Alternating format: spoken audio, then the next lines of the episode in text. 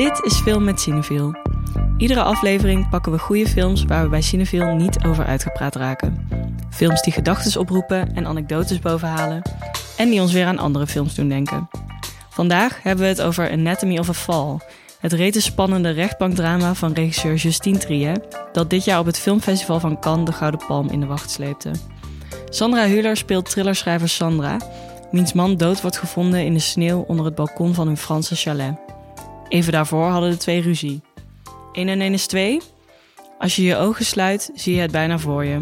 Geschreeuw, een worsteling, een duw en de val. I don't know what happened. I think he fell off that third floor. The window's open. The autopsy report is inconclusive. An accidental fall is going to be hard for us to defend. I need you to be precise. Tell me everything. Yes. In de rechtszaak die volgt staat Sandra niet alleen terecht voor de moord op haar man, maar ook voor allerlei andere dingen. Haar moederschap, haar seksualiteit, haar schrijfwerk en haar ambities. Sandra zou dit, Sandra zou dat. Stop. I did not kill him. That's not the point. Het verhaal van de aanklager is juicy, maar is het ook de waarheid? In deze aflevering hebben we het over de waarheid en over Justine Triers versie daarvan. Ik ben Jente Buskus en ik ben redacteur bij Cineville. Naast mij aan tafel zitten mijn collega's Jesse Heines en Maan Milker. Hallo. Hey. Welkom. Dank je. Dank je. Ja, deze film heeft niet alleen een hoofdrol voor Sandra Hüller, maar ook voor eh, de hond. Ik ben even zijn naam vergeten Snoep. eigenlijk. Snoep, ja. Ja. Ik weet niet of het een referentie is aan Snoop Dogg. Die- Vast wel. Waarom Dus- zou je je hond anders Snoep noemen? Als het, het niet, als het daar geen referentie aan is, is het wel erg Ja. meta. Want Snoop Dogg zit ook in dat nummer van 50 Cent, toch? PIMP? Of zeg Oh, dat weet ik Oh. niet. Wat te horen is van- in de film, sorry. Maar oké, oké, laat maar. Snoop, vernoemd naar Snoop Dogg of Snoopy. Eh, en Oh ja. die Oh ja. won eh, in Cannes, naast de eh, film die de Gouden Palm won, de Palm Dog. En nu ben ik dus benieuwd. Dit is natuurlijk een fantastische performance van Snoop de hond.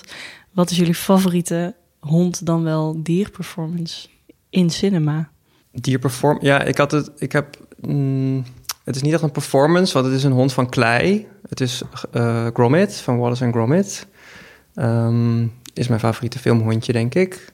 Vooral omdat hij... Meestal is de hond hangt gewoon een beetje bij... of is een beetje dommig. Mhm. En redt dan misschien per ongeluk ja, eh, de held van het verhaal. Maar bij Wallace en Gromit is het omgekeerd. Want Wallace is, is gewoon, dat is dat mannetje, zo'n Brits kleipop mannetje. Ehm, en die is gewoon super onhandig en heeft niet echt door wat er allemaal gebeurt. En eh, Gromit staat er een beetje naast. En doet dan met zijn wenkbrauwen, zoals ik ook vaak doe, zo van heel kei, moeilijk kijken. Zo van, gast, wat doe je? En ondertussen lost hij alles op wat ehm, Wallace misdoet. Dus daarom eh, ben ik echt fan van hem, ja. Maar het is niet, een- het is niet zo'n getrainde hond. Die echt acteert. Ja, dat was ook een keer met die artist. Dat je ook zo'n hondje wat toen ook de ja. Palm Dog Oh ja. won. En die was ook overleden vlak na de, de Oh. hype rondom die film. Dat bleek echt een superhond te zijn. Die was ook heel lief. En jij, Maan? Dat was het. Ja, ik... eh, nooit te laat om over jezelf te leren. Van deze vraag triggert bij mij echt het idee van... Hier heb ik dus echt niks mee, kennelijk. Met honden. ja, met honden zo. Nee hoor, ik heb, eh, ik heb een labrador gehad vroeger. Maar ja, gewoon dieren in film. En dat ik dat dan heel schattig vind of zo. Ik, ja, ik heb dat gewoon niet. Ik weet niet, als ik echt, echt iets zou moeten kiezen...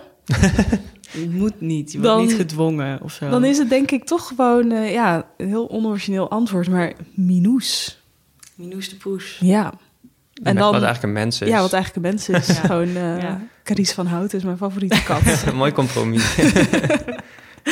ja, Ja, daar, Jente? daar laat ik het bij. Mijn, eh, mijn lievelingsfilmhond eh, heet Jed. En hij is een, eh, een gevierd acteur die je vooral misschien kan kennen uit The Thing.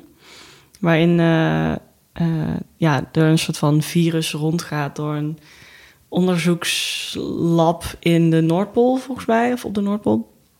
Eh, en Jet, de hond, is daar uiteindelijk, spoiler alert, deze film is uit 1982, maar een van de slachtoffers van. En eh, dat speelt hij heel goed, vind ik. En ik vind ook de practical effects in die scène echt super vet. Waarin hij een soort van wordt overgenomen door dit ding. Zit hij nog meer films? Ehm, niet super bekende, maar hij zit in The Journey of Natty Gann, White Fang en White Fang 2. Oké. Eh, maar hij heeft een Wikipedia-pagina. Hij is geboren in Ik dacht dat je dit uit je hoofd 1977 kende. en gestorven in 1995. Nou, Ja. Rest in peace, Jet. Ja, de, Snoop de hond vindt eh, het lichaam samen met eh, het zoontje Daniel van, van Sandra. Ehm, en dat zoontje en de hond die lopen door de sneeuw en zien dan, of de hond in ieder geval, ziet het lichaam van de vader van Daniel. Ehm, Samuel heet hij. En dat is eigenlijk het startpunt van dit hele verhaal in Anatomy of a Fall. Ehm, ja, het begint dus eigenlijk echt als een soort murder mystery, maar later wordt het echt een rechtbankdrama. Ehm, wat is, waar komt dat rechtbankdrama vandaan? Want het is echt een genre aan zich eigenlijk. Eh, Ja, het terwijl is- het best wel niche is.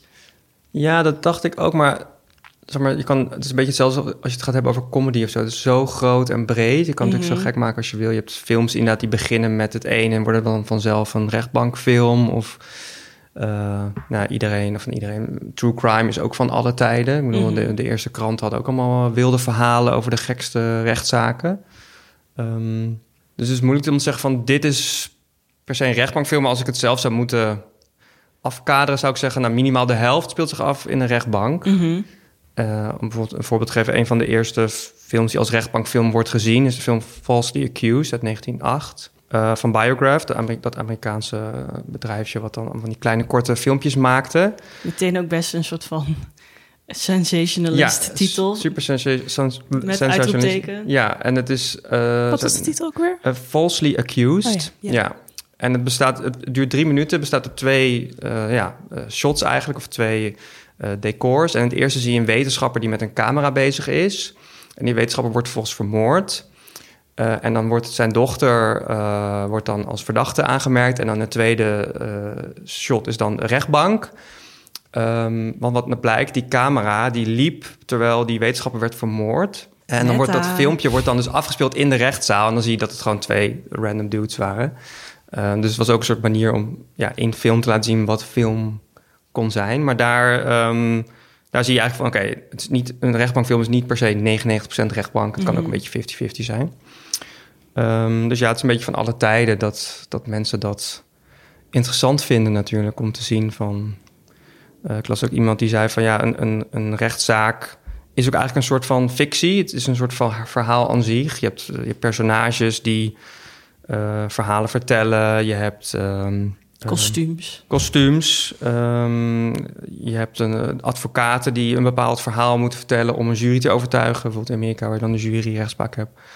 Eh, dus fictie speelt daar een hele grote rol. En als je dat een beetje uitvergroot, dan kom je ook al heel snel bij bijvoorbeeld film terecht.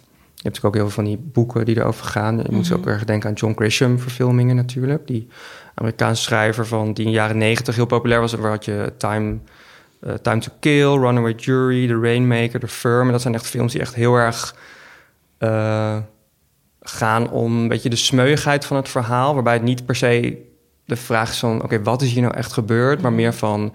oeh, check deze advocaat uit een kleine stad die nu... of uit een grote stad die naar de kleine stad gaat... en een hele zielige man moet verdedigen...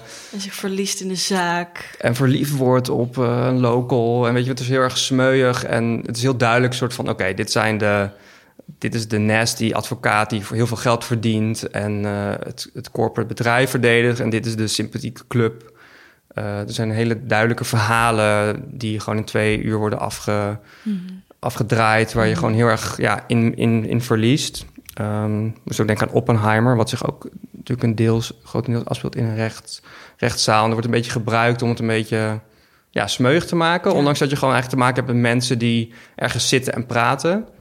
Ja. is het toch heel erg spannend of zo. Ja. ja, en dat deel van de film is ook in zwart-wit, waardoor het nog extra soort van, voor mij tenminste, als fictie voelde. Oh ja. Of in ieder geval eh, een soort van benadrukt dat je naar een film zit te kijken. Ik heb toch altijd bij zwart-wit een beetje dat mijn suspension of disbelief ietsje moeilijker eh, te behalen is eigenlijk.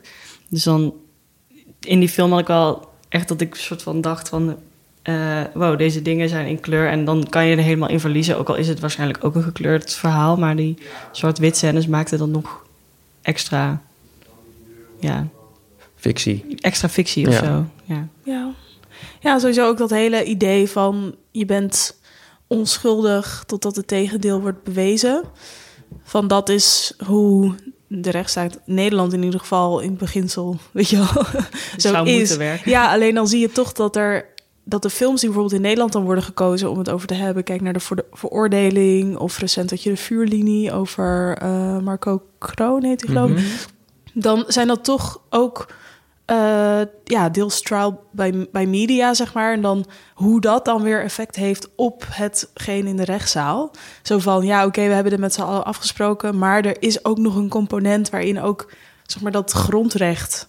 ook in twijfel getrokken kan worden... waardoor het allemaal nog weer spannender wordt. Zo Ja. van, oh ja, het is, het is niet zo simpel als je bent onschuldig... totdat het tegendeel wordt bewezen. Want er zijn allemaal factoren die meespelen... die ook nou ja, je zag het ook in real life, zeg maar, met de, eh, met de trial eh, rondom Amber Heard en Johnny Depp. Dat toen heel erg social media een rol speelde. Van er zat heel veel tijd tussen de uitspraak van de jury en zeg maar de verhoren. En toen was het zo van ja, officieel mogen ze nu hun, weet je, niet op social media, want dan kunnen ze beïnvloed worden. Mhm. Maar natuurlijk gaan ze dat wel doen, want, want zeg maar iedereen en je oma begon erover. Ja.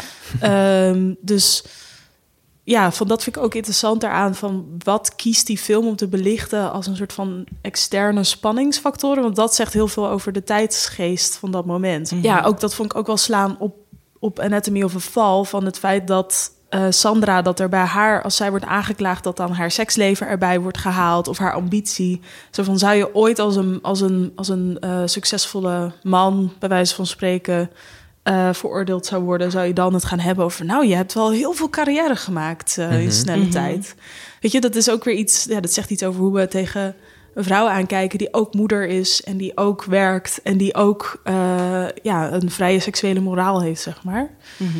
Dus ja, als je daarop let, dan vertelt dat zoveel meer. En dat maakt het ook een heel rijk onderwerp eigenlijk. Ja. Van dat die waarheidsvinding is altijd in een context geplaatst. En eh, een goede film laat die context ook heel erg uitgebreid eigenlijk invoelbaar maken. Weet je wel? Mhm. Dat je denkt van, oh ja, ik snap nu echt wat er toen op het spel stond. Eh, Killers of the Flower Moon van Scorsese die daar aankomt, is ook eh, ja, deels een rechtbank Oh ja. Van de 206 minuten Ja, zit ook wat daarvan zou iets van Zeker vijf. 100 zijn, eh, geloof ik. Ja, dus Ja. Dat, eh, die ging ook in Cannes eh, op, in première, net zoals deze film. Ja. Want in Anat- Anatomy Fall zit ook een scène, eh, misschien één of twee, dat zij in een hotelkamer zitten, zit een beetje chips te eten en kijkt ze naar tv. En dan heb je zo'n zo'n Frans praatprogramma waarin ze een soort heel smeuig ook die zaak bespreken. Zo van, ja, aan de ene kant heb je die succesvolle schrijver, Sandra, eh, die al dan niet een moord hebben gepleegd. En, en daarnaast heb je dan die, de man die dan een docent is. En gewoon, ja, dan wil je ook eigenlijk dat die succesvolle schrijver dat gedaan heeft. Ja. Ja. Ook omdat zij heeft ook geschreven over een moord of Ja. iemand Ja. die moordgedachtes heeft. Het is gewoon een beter verhaal. Als is een zij beter het verhaal. Ja, dus die, die Ja. Het is een beetje alsof de, de journalisten in dat praatprogramma willen dat dit hele, deze hele rechtszaak is zoals in To Die For met Nicole Kidman. Dat het zo'n. Dat is een film waarin zij een. eh, ja, ze speelt een super ambitieuze weervrouw die echt alles over heeft om op tv te komen. Waaronder al dan niet het vermoorden van haar echtgenoot. En dat is zo over de top en campy en eh, in felle kleuren met overal lichten. En eh, dat, dat je gewoon meteen de, de, ja, niet er doorheen prikt, maar de fictie en het soort van smeugen van dat verhaal wordt door de film heel erg benadrukt. En iedereen die wil dat Sandra het gedaan heeft, probeert daar zo'n soort verhaal van Mhm. te maken. Iets wat gewoon juicy is en eh, kranten verkoopt. Ja. hadden jullie ook, de, zeg maar, toen je die film voor het eerst zag en iets misschien niet zoveel van wist van, was je benieuwd of ze het gedaan had of niet? Was, twijfel je daaraan? Want voor mijn gevoel was het ook wel zo'n film dat je toch ook wel tijdenlang zat te kijken van, ja, misschien heeft ze het ook wel gedaan. Ja. soort van, Ik had dat wel. Ik ook, ja. Ja. Ja, en ook gewoon dat je zelf... Want de film eh, geeft best wel gefaseerde informatie, zeg maar. Dus ja. oké, dan zie je hem liggen, maar dan is het opeens zo van... oh, hij is via dat stukje gevallen. En dan denk je van, oh ja, dat hebben we net in beeld gezien, maar ik heb helemaal niet gelet op die bloedspetters of zo. Mhm. Weet je wel? Van, dat je ook zelf, als het ware, je herinnering gaat reconstrueren van, oh, welke, weet je wat, welke info heb ik kunnen opslaan? En dat je daar dan ook erachter komt van, ja, heel veel valt gewoon niet op. Als je niet daarop Nee, mee bezig gewezen bent. wordt, Ja. zeg maar. Dus, ja. Ehm, maar ik, ja, ik merkte ook wel dat dan dat je dan toch ook wel zelf met je eigen voor, vooroordelen aan de haal gaat, weet je wel? Dat je dan toch denkt van, nou, het is wel een, eh, een erg eh, rigide vrouw Mhm, of zo, weet ja. je wel? Dat is een uitgesproken Alsof dat dan bewijs is Ja. of zo. Dus Ja. wat ik net zelf zeg, weet je wel, zo van ja, dat een vrouw dan op een andere manier wordt beoordeeld. Van ja, dat heb je als kijker ook. Weet je, je Mhm. bent als kijker ook niet vrij van die vooroordelen. En of het nou gaat om man, vrouw of afkomst. Want zij is dan ook een Duitse in Frankrijk, weet je wel. Wat dan Mhm. ook weer een thema is in de film.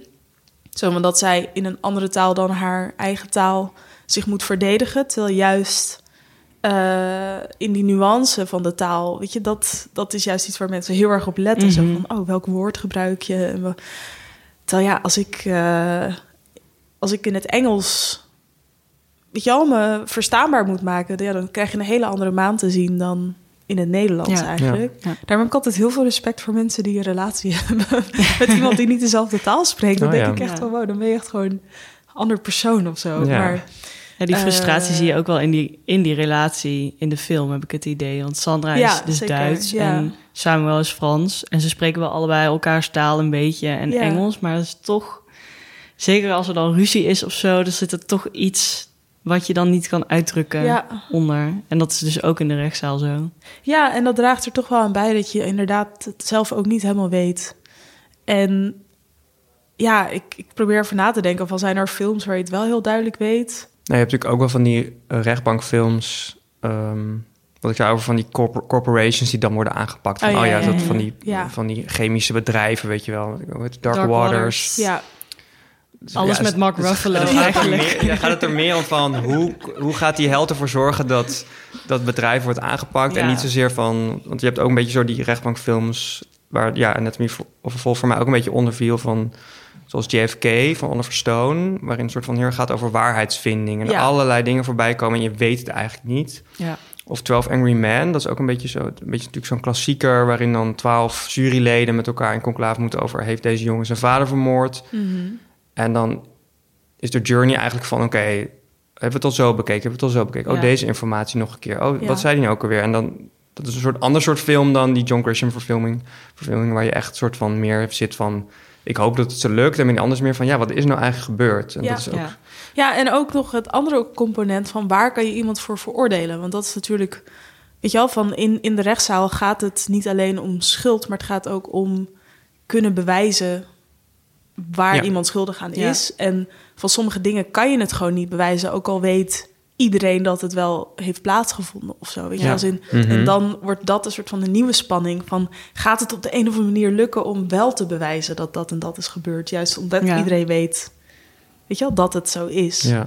En dan is er ook nog de vraag, als je het wel kan bewijzen, of dan wat de straf dan ook is, eh, Ja. daadwerkelijk een soort van gerechtigheid is of niet. Bijvoorbeeld eh Saint Omer vond ik een hele mooie film dit jaar, waarin een vrouw eigenlijk gewoon bekend dat ze haar kindje op het strand heeft achtergelaten om, volgens mij zegt ze letterlijk, meegenomen te worden door de zee. Eh, dus dat, die hele zaak gaat het niet om, heeft ze dat gedaan of niet, maar meer van, En nu, en nu. Ja. wat moeten we met deze daad? ja. En heb je dan iets aan de wet en ben je het er dan ook mee eens? Dat is ook vaak bij van die series. Ja, ik moet ook aan Ellie McBeal denken, wat ik vroeger altijd keek. Dat je soort van elke soort advocatenkantoor en een beetje lollig, maar elke week was er dan een soort van rechtszaak en die spiegelde een beetje wat er dan in iemands privéleven gebeurde. En dan ging het er niet per se om van wordt iemand veroordeeld of niet, maar wat. Oké, de wet zegt dit, maar eigenlijk vinden we met z'n allen dat. Ook wat jij net zei Ja. van. Ja, is, zijn die, is fictie, rechtbankfictie is ook heel erg om je eigen morele grenzen te testen of Ja, zo. Van, zeker. ja. Ja, we zien inderdaad allemaal dat, dat deze persoon wel wordt veroordeeld volgens de wet, maar Ja. why eigenlijk, weet je wel? Zo Ja. van, Ja, een belangrijk onderdeel daarvan is ook de getuige Ja. eh, en de getuigenis, waar deze film Anatomy of a Fall ook heel veel me- mee speelt, denk ik. Eh, vooral omdat eh, Daniel, het zoontje van Sandra en Samuel, blind is. En hij is eigenlijk de enige die als getuige opgeroepen kan worden. Ehm, en dan is het dus de vraag: in hoeverre kan bijvoorbeeld alleen maar audio een getuigenis zijn? En hoe weerhoudt, of verhoudt zich dat tot film en tot hoe we naar dingen kijken? Ja. Ehm, en maar jij hebt daar. eh ja, tijdens eigenlijk mijn- ben je daarin ja. gedoken. Tijdens mijn studie was dat een van de onderwerpen waar ik me toen op had eh, toegelegd. Inderdaad, zeg maar het, het, het fictiecomponent wat zit in eh, ja, getuigenissen. En getuigenissen in de brede zin. Dus we hebben het nu letterlijk over in een rechtszaak. Maar je zou kunnen zeggen dat een getuigenis alles is wat de waarheid probeert te representeren, maar niet zeg maar de directe werkelijkheid is. Mhm. Dus als ik nu aan Jesse vraag, van, we zitten hier nu in een studiootje op kantoor, van eh, wat zie jij buiten? Dan zeg jij bijvoorbeeld een boom. Dan is dat in principe een getuigenis. Want Mhm. ik vraag het aan jou, jij Mhm. geeft jouw antwoord. En ja, jij getuigt dat er Een boom, een boom buiten staat. En dan moet ik jou geloven of niet. Eh, maar ja, dan noem je een boom. Maar je hebt dan niet gezegd, ik zie ook auto's, ik zie de zon. Weet je, je hebt ook heel veel weggelaten bijvoorbeeld. En dat is natuurlijk ook zo dat wanneer we gaan navertellen of representeren, zeg maar in taal of in wat dan ook, laten we heel veel weg. Ik bedoel, in film is het dan eh, in documentaire bijvoorbeeld een kader. Weet je, Ja. van je laat die ene centimeter ernaast laat je niet zien. Terwijl daar misschien juist iets essentieels gebeurt.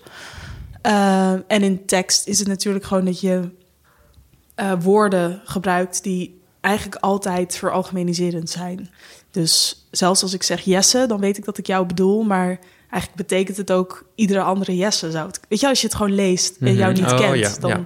Als jij in je dagboek schrijft, Jesse heeft iemand vermoord, dan kan het en Ja, dat is geen zijn. Ja, dan bewijs. kan het. Ja, alleen door hoe wij context snappen, zeg maar, zijn we het erover eens van als ik dat zeg en weet je wel, ik geef nog Jesse van mijn werk, dan, dan snappen mensen dat jij dat bent. Oh ja. Nou ja, erg. eh, Hmm, filosofisch. Filosofisch, ja. eh, maar dat is wel belangrijk, zeg maar, als je daar. Dat, dat is een van de drijvende krachten achter zo'n eh rechtbank, rechtbankdrama, maar ook gewoon achter film zelf. Dus het idee dat wij. Dat is waarom film zo aanslaat, omdat het heel erg als mechanisme hetzelfde werkt als de werkelijkheid. Ehm, dus met de werkelijkheid bedoel ik wat je zelf waarneemt in real life. Dus een film bestaat ook in jouw werkelijkheid, maar ik bedoel de werkelijkheid in de film. Ja. Snap je? Eh, omdat je het benadert zoals je de werkelijkheid ook benadert. Dus in zo'n shot, dan is er eigenlijk veel te veel informatie om je dus op alles te focussen. Mhm. Of is er veel te veel informatie om helemaal het gevoel te hebben dat het helemaal jouw eigen is, zoals je dat wel misschien hebt met de betekenis van het woord boom. Een soort van jij snapt gewoon wat een boom is. En ja, dat kan niemand, weet je, dat is gewoon jouw, jouw begrip. En dat is Mhm. gewoon zo. Terwijl als jij iets ziet op, op het beeld waarvan je niet helemaal precies weet wat het is, ja, dan, dan is dat iets waar je, wat je als het ware moet benaderen om het beter te leren kennen. Dus je moet het waarnemen, je moet erover nadenken, je moet het in context plaatsen. En dat is een best wel actieve handeling. Ja. En eigenlijk, ja, zoals wij in de wereld staan, doen we dat constant. En waar we ons op focussen, dat komt voort uit eh, ja, wat op dat moment als belangrijk gezien wordt. Dus dat kan voortkomen uit een soort natuurlijke instincten. Weet je wel, dat mensen als ze vuur zien, zijn ze daar meteen op gefocust. Gewoon dat vuur kan ook gevaar betekenen, Mhm. bijvoorbeeld. Of als je een harde knal hoort, dat mensen die dat nooit horen, daar dan heel erg, weet je wel, alert op zijn. Terwijl als jij iedere dag dat hoort, ja, dan is- het minder iets wat je misschien überhaupt hoort. En vooral het navertellen daarvan, dan kom je dus eigenlijk op een heel fundamenteel, eh, een hele fundamentele issue uit. Namelijk dat we niet allemaal op dezelfde manier in de wereld staan. Ja. Gewoon heel letterlijk, weet je wel. Dus ook, ja, als we het hebben over die waarheidsvinding, dat is, ja, gewoon voor iedereen is het net even anders. En net die nuance. En dat kan het heel veel uitmaken in die waarheidsbepaling in zo'n rechtszaak. Maar ook bijvoorbeeld als je het hebt over eh, film. Van dat is een van de, ehm, een van de bewijsdingen die worden aangedragen, die heel erg betrouwbaar, als heel betrouwbaar worden gezien. Mhm. Maar dan komt er een nieuw probleem, namelijk dat we nu in een, in een age leven, zeg maar, waarin film ontzettend wordt gemanipuleerd. En nou ja, de filmindustrie is daar het mooiste voorbeeld van, vind ik wel? Van, we hebben vanaf het begin van het medium laten zien dat het ook de waarheid kan manipuleren. Op een manier die zo realistisch is dat mensen het voor waar aannemen. Zeg maar. En dan niet letterlijk, want we snappen ook. Weet je wel, als je, als je naar de film gaat, dan snap je, ik ga nu een, iets, weet je wel, een artistiek construct bekijken. Maar als je het hebt over filmpjes op social media, dan is het al veel lastiger voor veel mensen om die afweging te maken Ja. van is dit nou eh, gemanipuleerd of niet? En ook in die man, weet je, manipulatie kan ook zitten in ik laat dit wel zien en dit niet van dezelfde situatie. Ja. Ik vond de trailers van Anatomy of a Fall daarin ook wel een interessant voorbeeld. Omdat de ene trailer, volgens mij was dat de eerste of de teaser of zo. Dat voelde als een soort, ja, best wel niet echt arthouse, maar wel ja, redelijk intellectueel eh, familiedrama slash rechtbankfilm. En de, de nieuwste trailer voelt echt als een soort van hele intense true crime thriller. eh, met allemaal zo van die zwart-wit foto's met dreunen eronder. Ja, En ja, ja. Waardoor je eigenlijk als je die twee trailers zou zien... echt een totaal andere film zou verwachten. Ja, Er zitten ook shots in die trailer die dan in de film zijn dat shots van dingen waar iemand aan denkt, dus die niet per se zijn gebeurd. oh ja. Ja, En in de trailer worden ze gewoon zonder context, denk je, oké, dit zit in de film, dus dit is er gebeurd. Of zo. Ja, Terwijl ja, ja, het is wel ja. sneaky om dan zo dat ja. Ja, te gebruiken. maar eigenlijk ja, vind ik het wel heel gepast. Ja. Ja, Omdat, het klopt ja, wel helemaal met de film. Ja, en dat is ook wat, wat in zekere zin. Ja, ik, ik heb niet zoveel ervaring met hoe echte rechtszaken verlopen, gelukkig. Maar wel met hoe het in film wordt gebruikt. Dan heb je vaak de advocaat die dat dan heel geniepig inzet. Zo Mhm. van. eh, weet je, die dan heel hyperbolisch dingen gaat vertellen op een bepaalde manier. En dan moet je dat gaan ontkennen. Maar dan is ergens al. Weet je al, het zaadje geplant in het hoofd van de jury of in de rechter. Althans, dat hoop je dan als advocaat van hebben we hier wel aan gedacht dat dit ook onderdeel is van het verhaal. En dat werkt alleen maar als je dus al met z'n allen hebt geaccepteerd dat niet alles altijd gevangen kan worden in zeg maar herbruikbare informatie. Mhm. Snap je? Dus dat er is gewoon altijd iets aan het moment zelf wat voor altijd zal ontsnappen aan navertelling op wat voor manier dan ook. Ook al film je het, zeg maar. Ehm, en wat dat betreft vind ik het dus interessant inderdaad dat het eh, zoontje dat die blind is. Mhm. Eh, omdat als wij eh, als ziende mensen denken aan ja, gewoon super betrouwbare eh, bronnen zeg maar, van informatie, dan is ons zicht staat heel hoog op de lijst. ja. Ehm, ook gewoon omdat dat een van de dingen is waarin we heel erg, ja, waarin onze maatschappij erg op is ingericht, dat dat belangrijk is. Weet je, informatie van verkeersborden, dat wordt aan je gecommuniceerd via zicht en niet via geluiden of zo, weet je wel? Terwijl dat ook zou kunnen. Mhm. Ja. Ehm, ja, dus door te kiezen voor een getuige die, waarbij dat Ja. ontbreekt, dan kom je nog dieper uit op, op zeg maar, die essentie van jongens. We hebben het hier over het zoeken naar de waarheid, maar snap Gewoon dat het- ja, het is Ja. eigenlijk onmogelijk. En juist daarom de waarheid die wordt gevonden... zegt zoveel over wat we dan belangrijk vinden of wat dan... En daarmee wil ik niet zeggen dat iedere veroordeling een soort van... In twijfel getrokken Ja, moet worden. Weet je wel, maar het is, het is wel hoe de rechtszaak in beginsel, zeg maar... het rechtsstaat in beginsel in elkaar zit. Zo van, Mhm. er zijn verschillende mogelijkheden om iets te bekijken. En wij hebben dan met z'n allen afgesproken dat... Nou ja, in Nederland dan de rechter bepaalt wat het eindoordeel is. Maar in de VS is bijvoorbeeld een veel democratischer systeem, zeg maar... dat een jury dat bepaalt. En Maar in ja, Frankrijk dus ook, zoals in Oh ja, film. ja. Maar dan heb je wel meteen ook weer het component dat je dan nog meer meningen hebt, zeg maar. En nog meer. En ook die dan minder getraind zijn zoals een rechter dat is in Ja. het zeg maar eruit Filteren halen. van die emotie en Precies. subjectiviteit, ja. Dus dat, ja, ik vind dat heel spannend altijd van die jury rechtszaken. Ja. Dat Mhm. ik echt denk, Waar gaat het heen? ja, dit is Ja. zo mensenwerk, gewoon Ja. letterlijk. En alleen er hangt zoveel van af. En ik ben heel benieuwd wat een soort van volgend iets wordt. Weet je wel? Zo van nu heb je bijvoorbeeld met AI, van als mensen het zeggen, dan, weet je, dan is dat iets wat in de rechtbank wordt dat serieus genomen. Eh, en we gaan niet een AI-bot vragen. Wie heeft het gedaan? Mhm. Want, Nog niet. Nee, nog niet, maar dat gaat misschien wel komen. Ja. Of misschien gaat die uiteindelijk het oordeel vellen. Weet Ja. je? Dus ja. de, waar die, wie wat gaat doen met die bewijslast en waar die, bewijslast, waar die bewijzen vandaan komen, dat wisselt telkens. Ja. Dat is heel interessant, Ja. vind ik. Ik ben benieuwd wat voor rechtbankdrama's daar dan uit voortkomen. Ja. AI-advocaat. ja, en kan je ook zeg maar AI dan veroordelen als zij ergens een mechanisme hebben gebouwd waardoor Dat een misdrijf pleegt. Of, ja, eh, of waardoor een dijk breekt of zo. Snap je? Noem Ja. maar even iets. Wie is je dan schuldig? Ja, ja. eh, ja. Nou, daar komen we misschien over tien jaar achter. Precies. ik hoop het niet. Ehm, ik ben benieuwd, naast eh, Anatomy of a Fall... en dat dus blijkbaar andere rechtbankdrama... Killers of the Flower Moon... naar welke films jullie nog uitkijken de komende weken.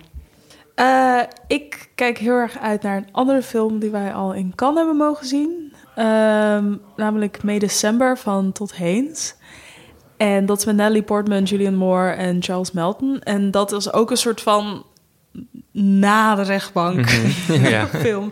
Eh, want er is, er is daar sprake van een relatie eh, tussen een man en een vrouw die ook een gezin hebben. eh, wat dusdanig controversieel is dat het altijd niet strafbaar is. Ehm, zonder te spoilen wat het dan precies is. En een actrice die, eh, gespeeld door Natalie Portman, die komt dat eigenlijk onderzoeken op haar manier. Die komt eigenlijk ook zoeken naar bewijzen van hmm, wat is er nou echt gebeurd en wat doet het met je en wat is hier nou de moraal van? En dat allemaal met een heerlijk sausje, met een soort ethisch infomercial muziek of zo, Oh. wat ik me daarvan voorstel. Zo goed. Echt, ja, een, een, eh, ja het, het was echt zo'n film waarvan ik echt denk... oh, was dit maar echt zo deel 1 van nog tien delen die er aankomen. Want Ja. Het was echt eh, precies wat ik chill vind. En heel goed gespeeld ook door eh, Charles Melton... die ik alleen maar kende van Riverdale... Waar, wat echt zo noodwaar slecht geacteerd is... waardoor je ook dat gaat vereenzelvigen zeg maar, met de acteurs. Dat je Mhm. denkt van, oh, jij kan gewoon niet acteren. Maar hij kan echt perfect, zeg maar, een beetje die dommige hobby spelen, wat ik heel Ja. chill vond. Eh, en hij komt uit 30 november. Heel Ga zin in. Ja, echt, echt heel veel zin in. Jesse? Ehm, ik heb ook een leuk berichtje. Ik, ik, ik kijk erg uit naar de film Reality. Het gaat over Reality Winner. Is dat echt haar naam? Dat is echt haar naam. Dat is, ik geloof het ook niet, Nee. maar dat is echt haar naam. Eh, het is in ieder geval, wat ik van begrijp, is het is een Amerikaanse, jonge Amerikaanse vrouw die bij de inlichtingendienst werkt of heeft gewerkt. En op een dag eh, thuis wordt opgezocht door de FBI omdat ze haar verdenken van het lekken van geheime documenten. Ehm, en het interessante aan deze film is dat het gebaseerd is op eh, dialogen uit het transcript van de FBI-ondervraging in haar huis. Ehm, dus ja, daar ben ik heel benieuwd naar hoe ze. Ja, het is ook weer met naspelen. En ja, we gaan het nu zien, terwijl het woord voor woord, zeg maar, staat het ergens in het transcript. Maar als je het dan uitspeelt, maakt het het dan meer waar of minder waar Ja. of wat dan ook. Ehm, maar dat hele concept vond ik wel echt een goed, goed idee. Ik ben heel benieuwd. Ja. Vanaf begin november komt die. Ik heb heel veel zin in eh, Le Ravissement. Een eh, Franse film van eh, Iris, als ik het goed uitspreek, Kaltenbach. Of Kaltenbach. Ehm, die komt uit op 26 oktober. En dat gaat over een, een jonge vrouw. Zij is ehm, eh, verloskundige. En zij stort zich eigenlijk helemaal in de zwangerschap en bevalling van een van haar beste vriendinnen nadat haar eigen relatie uit is. Dus ze heeft verder eigenlijk een soort van geen leven behalve de baby van haar vriendin. Ehm, en dan heeft ze een one-night stand eh, die ze daarna maanden niet ziet. En even later komen ze elkaar weer tegen en dan Niet spoilen. spoil ik niks. Oké. ik wil hem nog zien. Stop. Eh, En dan dan? eh, ja, vertelt ze hem iets wat eh, grote consequenties heeft voor de rest van het verhaal. Eh, en ik vond het een, hele, ja, een heel mooi portret van eh, haar psyche. eh, van, van die vrouw die dus de- het hoofdpersonage is. Eh, gaat dat zien? Leuk. Is het zenuwslopend? Of, Het is niet Oké, zenuwslopend. ik kreeg van die poster heel erg de vibe, dat soort van... Ja, een soort chase. Oeh, zo- ja, een soort van- Oh nee, helemaal Oké, niet. oké. Nee. nee, het is wel op een. eh, het is best wel. Ik vind, vond het heel mooi gefilmd. eh, en daardoor zijn die, die stils die je ziet best wel zo bewegelijk. Waardoor Mhm. het heel spannend Ja. lijkt of zo. Het is ook wel spannend, maar het is niet. Het is niet de Born eh, Supremacy of zo. nee, het is niet de Born Die Supremacy. vibes heeft het een beetje. Oké. Ga dat allemaal zien en ga ook Anatomy of a Fall zien. Die is nu al te zien in Cineville. Dat was hem weer, film met Cineville. Uh, wil je weten welke films we allemaal benoemd hebben vandaag? Kijk dan even in de show notes op onze website. En wil je op de hoogte blijven van alles wat er speelt, schrijf je dan in voor onze nieuwsbrief. Wil je meekletsen of heb je vragen? Dan kan je ons mailen op podcast.cineville.nl. Bedankt voor het luisteren en dankjewel Maan en Jesse. Heel bedankt. Ja, ook bedankt. En uh, tot de volgende. Doei. Doei.